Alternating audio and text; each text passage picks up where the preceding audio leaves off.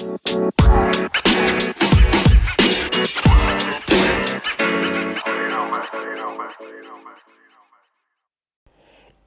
velkommen til en uh, ny episode med Coachcast. Denne episoden blir ikke superlang, men jeg tenkte jeg skulle lufte noen tanker rundt den nylige Kall det dopingskandalen fra um, uh, CrossFit Games. CrossFit Games er jo ikke i gang helt ennå, og allerede så har en god del utøvere og lag blitt uh, utestengt.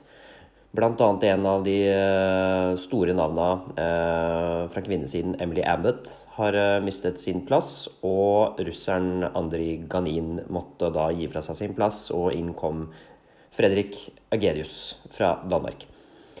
Ehm, så kan man jo spørre seg om det her er overraskende, og for meg så er det ikke det. Så mye som de trener og konkurrerer, så er det helt unaturlig at crossfit skal være den idretten som eh, holder seg rein. Eh, når vi ser at alle andre idretter sliter med eh, doping og juks og fanteri. I tillegg, så fort det er penger på bordet, så begynner folk å gjøre noen dårlige valg for å komme seg dit, fordi vi vet at crossfit-utøvere ikke akkurat blir multimillionærer av det de driver med. De fleste jobber i Crossfit-bokser som coacher har noen sponsoravtaler hvor de får dekket treningsutstyr og litt diverse, og kanskje noen reiser, men ellers så er det ikke så veldig mye å hente. Vi kan jo sammenligne med nye lønna til Cristiano Ronaldo i Juventus, som da vil etter skatt tjene 5 millioner kroner per uke. Um, så da ser vi at fristelsen eh, er ganske stor, sannsynligvis, for å jukse til en plass. Ikke at det um, unnskylder noen verdens ting. Jeg er sterkt imot doping. Men um, det er vanskelig å komme utenom, særlig når testene kun gjøres i konkurranse. For dette er da tester gjort under regionals. Uh, og vi vet at um, det er ekstremt mye som skjer utenfor konkurranse. Og da i tunge treningsperioder hvor ikke CrossFit er ute og tester. Og en måte å, komme det her til livs på er rett og slett å bli en del av Eh, WADA og få USA da til å gjøre uanmeldte tester utenfor sesongen. Kanskje da viktigst i oppkjøringsperioder, sånn som mellom desember og januar innenfor Open, eller mellom Open og Regionals, hvor vi vet at de jobber ganske hardt for å bygge form.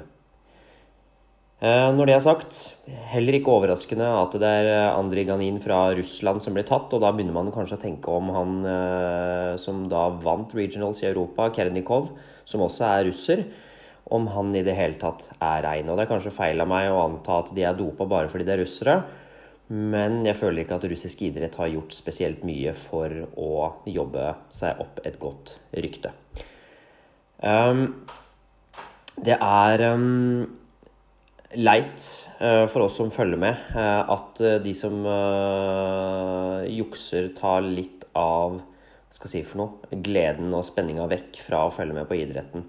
Og det er nok ekstra kjipt for de som da får tildelt en plass i etterkant og kanskje skulle vært der og feira med fansen og med familien sin og feira at de fikk en plass videre. Og det samme gjelder jo for øvrig for Patrick Wellner i fjor, som fikk fjerdeplass bak Ricky Gerrard, som senere ble tatt for doping under Games og ble fratatt sin tredjeplass. Og den følelsen får Pat Wellner aldri igjen.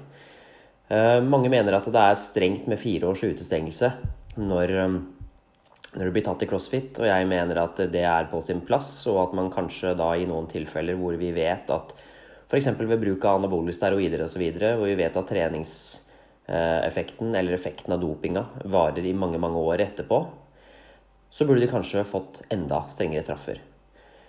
Det vil kanskje ha en preventiv effekt. Blir man tatt, så er man på en måte ferdig i idretten. Eh, og det, mm, jeg syns CrossFit har gjort en god ting ved å ha såpass strenge straffer som de har. Og så kan man diskutere frem og tilbake om at noen av de hadde fått i seg noen stoffer i et eller annet kosttilskudd som de stolte på, det var tilfeldig og man var stressa og det ene med det andre. Det kommer mange unnskyldninger. Men til syvende og sist så er du som toppidrettsutøver um, ansvarlig for hva du putter i deg. Så det var egentlig mitt uh, bitte lille tankespinn. Det blir utrolig spennende å følge games. Um, og jeg tror at uh, det blir uh, jevnere enn noensinne på kvinnesiden hvis uh, Både Tia, um, Claire Toomey og Cara Sanders og Catherine Davidsdatter og Sara Sigmundsdatter og alle sammen, hvis de kommer så godt forberedt som de kan komme, så blir det fryktelig spennende. Så håper jeg også at Brent Fikowski og Pat Wellner og de andre kan gi Matt Frazier enda litt mer kamp om eh, førsteplassen i år. Og at ikke det bare blir en ren, skjær parademarsj.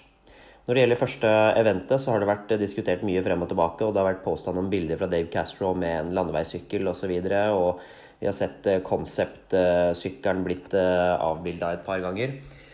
Så jeg vil anta at vi får et triatlon som første event, sannsynligvis sprint, som er 750 meter svømming 20 meter sykkel og 5 km løp. Det vil nok være langt nok for de aller fleste. Og er han skikkelig ballsy, så kjører han full olympisk, som er 1540 og 10. Det er nok ikke så sannsynlig, eh, fordi noen av de større gutta vil sannsynligvis eh, få hjerteinfarkt før de kommer halvveis. Jeg vet at mange av de aller, aller beste har eh, evner nok til å gjøre det på en god måte, men det vil nok ødelegge en del av utøverne ganske heftig allerede på dag én. Så jeg setter penga på et sprinttriatlon første event. Med det så har jeg fått uh, raljert fra meg og lufta mine tanker, så da takker jeg for uh, disse seks og et halvt minuttene, og så får du ha en fortreffelig aften videre.